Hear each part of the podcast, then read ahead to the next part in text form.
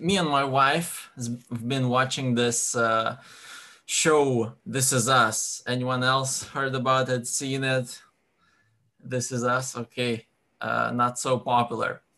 Even though it's an American show, uh, we, we were watching it here in Lithuania and you Americans are not watching it.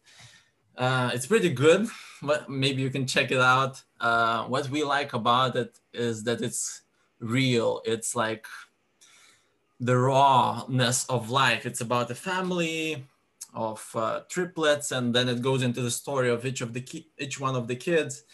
And it's uh, what we like about it is how it shows all the realness, the good and the bad, and specifically the bad. It's not the fairy tale type of show, so we like that. It's kind of uh, showing you the reality of life. So one story that they've been showing recently is um, this couple Randall and uh, Beth. They are moving to a new city, getting new jobs that are requiring a lot of their time and a lot of their energy. But uh, so it's an exciting time, but also challenging because they have three daughters, and these three daughters need the parents' time, and there's just no no time for them. The calendar is going against the dreams of their life, and they are kind of getting into a ten, tense, tense place. Um, Randall's saying, hey, Beth, maybe you could like stop your job for a while. And so that you understand what type of request that is, she just kind of, after years and years of searching for her dream calling, she found this like dancing, she re rediscovered her dancing passion and she opens this dance studio. And he's like, hey, maybe the dance studio is not for now. Maybe you can set it off for a bit later when the girls are older. And she doesn't want to give up her dream. And uh, and she's saying, admit it, you you think that your job as a councilman is more important than, than my job. And then she says one thing that I think kind of is gets to the heart of the issue. She's saying, uh, you're just angry because you're not getting what you want in fact, I think this statement is getting to the heart of every human heart, of every human problem. Uh, I don't know, maybe you can identify with this. Like, remember your last conflict and see if you're looking honestly there uh, at the reason of the conflict. What what was it? What was the issue? Um, I know that uh, when I look at my conflicts, it's often that I was not getting what I want. So Today, we will be looking at uh, what the Bible says about conflicts and how to how do we go through them. Uh, what what solutions does Bible give us? Does the Bible give us? So uh, you're probably having your Bibles opened already. Uh, let's read together uh, chapter four of uh, James's letter. I'll be reading from the NIV. From let's start with first three verses. So James is asking, what causes fights and quarrels among you? Don't they come from your desires that battle within you? You want something, but don't get it. You kill and covet, but you cannot have what you want. You quarrel and fight. You do not have because you do not, do not ask God. Um, have you ever had a, a situation that jo, uh, James is kind of describing here? A fight because of something you desire and you're not getting that. I remember once uh, me and my wife went to buy a table, a, a, used table. We found it online and we are going to that place where, where the table was being sold. It's like a, we come there, it's like a big round IKEA coffee table, uh, wooden coffee table. My wife found it, she really wanted it and I wanted to be a good husband. So when she asked me, "Hey, so should we get this table? What do you think?" We kind of went to check it out. So wanting to be the good husband, uh, I said, uh, "Yeah, sure." Even though inside I thought table is not worth the money. I don't really like the table, but wanting to save the face of the good husband who is, you know, uh, caring about his wife, I'm like, okay, let's get it um, which, as you are guessing, probably has surfaced later in, in a couple of weeks. I wasn't able to save face for very long, and I expressed my my disappointment with the table. So what what caused this this conflict? What was the reason? When I look at it, um, wasn't it what James is talking about? The desires that are battling within me, within, inside, things that I try to keep inside, but they they they come to the outside. I was desiring maybe to to save money, desiring to uh, save that my face as a good husband, as I was saying, and uh, maybe I desired for another table. And not that all these things are bad, like to want a different type of table or to to want to save money, but what was wrong with it is that I was thinking about myself, my face, my imagination of what our money should be like or what our design should be like. It was all about me. Uh, the same thing can happen in our work settings when we are having desires about i don't know things as menial as the temperature in the office who gets to set it and we are fighting inside and getting some sort of resentment against our colleagues who are changing the the temperature or um, i don't know it could be a promotion that who gets the next promotion. I want it and i'm not getting it. And i kind of feel again some sort of tension between between the colleagues. But probably the worst situation is if that is happening in our church environment in our spiritual community environments. And it's happening uh, who things again as menial as like what design should we do in the church? What should the welcome area be like? What type of cookies should we serve? What coffee to things more spiritual like whose vision should we follow? Uh, whose i don't know which preacher should we listen to and uh, whose idea should we implement? Paul apollos peter type of stuff. And the interesting thing is that um, we we read further on that uh, in in verse three that James is saying God does not want to be involved in this type of stuff. The things could be important like vision, you know, for the church. What type of vision should we have? We are praying, we are asking God, where are you le- leading us? But God does not want to answer this prayer. So, like Geronzi was saying, there could be the best minds in the room, uh, equipped professionally to to deal with that equipped maybe spiritual i don't know what uh, mdiv degrees and all that but the spirit of god is not cooperating when um, when we have this focus on the me on the self uh, on our desires. So um, our desires cause cause cause strife as, as james is saying and god wants nothing to do with it but why? I mean, couldn't God somehow be more less categorical, be a little bit involved, not like not answer our prayers at all? Couldn't He work through our selfishness somehow? Uh, let's read verse 4.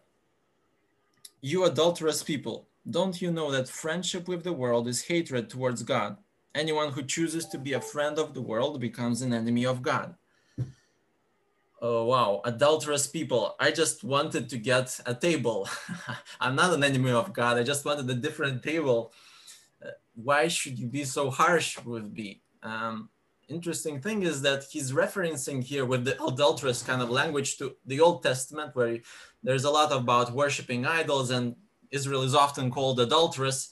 And um, he's comparing us in the sense that when we desire for ourselves something, as menial as a table that I like, or as menial as saving my face.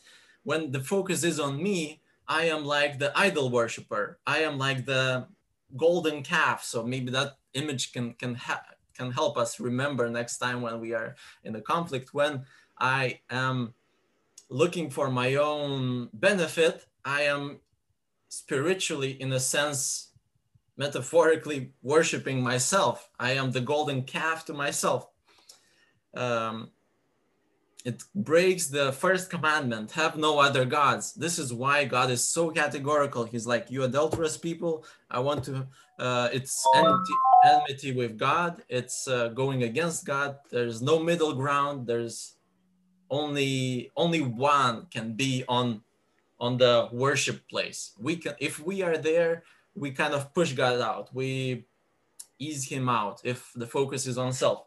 So this gives a weight to our everyday feelings, our everyday choices, our everyday little conflicts. They become not so little. Uh, every time we have a conflict, there is some sort of a deeper, deeper waters running through, and James is just showing of how deep they are, how serious they are. I don't know about you, but um, I'm often kind of tempted to just plaster over the little conflicts and say, well, it's okay, you know, everyone has them, happens. James is showing the weight of it and the, the enmity, adultery are heavy images. But then he gives the good news finally in verse 5. He's uh, saying, Or do you think scripture says without reason that the spirit he caused to live in us envies intensely? So when we become enemies of God by choosing our own desires, uh, God's response is to not become our enemy, but to be jealous for us. And I think other translations say he is jealous for us. And that again is the Old Testament language of God being a jealous God. There's numerous verses in Exodus, in Deuteronomy, when God is God is a jealous God, and it's always connected to him being on the first place. Um, so um, he is not our enemy when we are his enemy. He's jealous for us. And verse 6 says he gives us more grace. Again, first thing is he seeks to restore the relationship and he gives he gives grace instead of giving punishment he gives us more grace that's the good news um, what should we do okay let's get practical. Let's we saw the inner inner things of our heart of our conflicts what happens inside the heart when when we when we have conflicts. We actually are putting ourselves on the pedestal on the place of god. And um, what should we do then? Verses 7 and 10 let's read them together. Submit yourselves then to god. Resist the devil and he will flee from you Come near to God, and he will come near to you. Wash your hands, you sinners, and purify your hearts, you double minded. Grieve, mourn, and wail. Change your laughter to mourning and your joy to gloom. Humble yourselves before the Lord, and he will lift you up. Um, I like the, again, it's kind of sounds heavy. Mourn, uh, change your laughter, grieve, purify. He, he's heavy on us. But um, why, why does he use this imagery of grieving? Why um, can't repentance be maybe some a bit less emotional? Can't you have true repentance without this emotional response? Um, I think he's saying that repentance um, grieving is a natural response of repentance. Like, have you ever heard someone talking about importance of grieving? Like maybe some of you have even experienced it yourself, lo the loss of uh, something important to you, a person, or I don't know, it could be a job or some dream that you lost. And often we are advised to go through the grief process. Why? So that those things wouldn't come up later uh, those things would be dealt with and they would be um, the emotional weight inside of us should be somehow and the intellectual i guess things also should be dealt with. And the process is called grieving. So i think it's the same with sin. We james is encouraging us not to just cover our sin under the rug and say it's okay it's just a little sin you know it will everyone does it happens it's not so big i didn't steal anything or like failed morally in a big way. But he's saying, go through the grieving process over your sin, and this will bring you into a healthy place. This will heal you, uh, just like grieving over a death of a loved one heals you and you come into a healthier place. So I think grieving over our sin also brings us into, into health. Just like Jesus also is saying in the Sermon on, on the Mount, I think Geronzi was mentioning the Sermon on the Mount. So there's a reference here. Jesus is saying, Blessed are those who mourn, because when the second coming comes, they will not be mourning anymore. They will have recognizing their sin now. They will not have to deal with it later. They are not oblivious to to what's coming. So they are blessed now. They are dealing with it now. They are going through the healing process now. They will not have to be ashamed uh, on, on, the sec- on the day of second coming. So repentance is let, letting the weight of our sin become real to us instead of just numbing ourselves to it, which is a natural tendency, which is, we, I guess, is just a coping mechanism. We try to lessen the, the, the weight of it so that we can deal with it. Another coping mechanism is actually recognizing the depth of it, uh, recognizing the weight of it, and coming out on the other side healthy because God gives more grace, because we know that God longs to restore the relationship. And James says when we come near to Him, God comes near to us, just like the parable of the prodigal son. Uh, uh, the father sees the son from far off and runs toward him when we start this process of grieving, God meets us. And then he closes uh, in verses 11 and 12. He says, Brothers, do not slander one another. Anyone who speaks against his brother or judges um, him speaks against the law and judges it. When you judge the law, you are not keeping it, but sitting in judgment on it. There is only one lawgiver and judge, the one who is able to save and destroy. But you who are you to judge your neighbor? So he's getting again to this central point of like, why are you putting yourself in the place of God? Why are you exalting yourself in the place of the golden calf? Recognize the place and authority of God. Who is God and who are we in relationship to Him? Uh, put yourself under Him, and then you recognize that not the self is in the center, but God is in the center. And with that come all the values of love and compassion and wisdom and, and humility. And he's saying, remember to not have other gods. Don't have yourself as a God. So, in conclusion, this is how we deal with conflicts. We realize that uh, often we put ourself as a God, we worship self, we worship the desires of the self. Um, and next time you are in a conflict, maybe irritated by someone, maybe having bad thoughts about them, don't just accept it as something normal. Don't just accept it as an okay thing. Don't become a friend of the world and a friend of the world again putting yourself the what does the world do the world puts themselves in the place of god don't do it don't become like the world in, in putting yourself instead of God and live according to their values of trying to push through and trying to get your way. Uh, use this opportunity rather. Don't numb yourself uh, against your sin, but use this opportunity to get close to God and grieve your sin and get on the other side to health. Amen.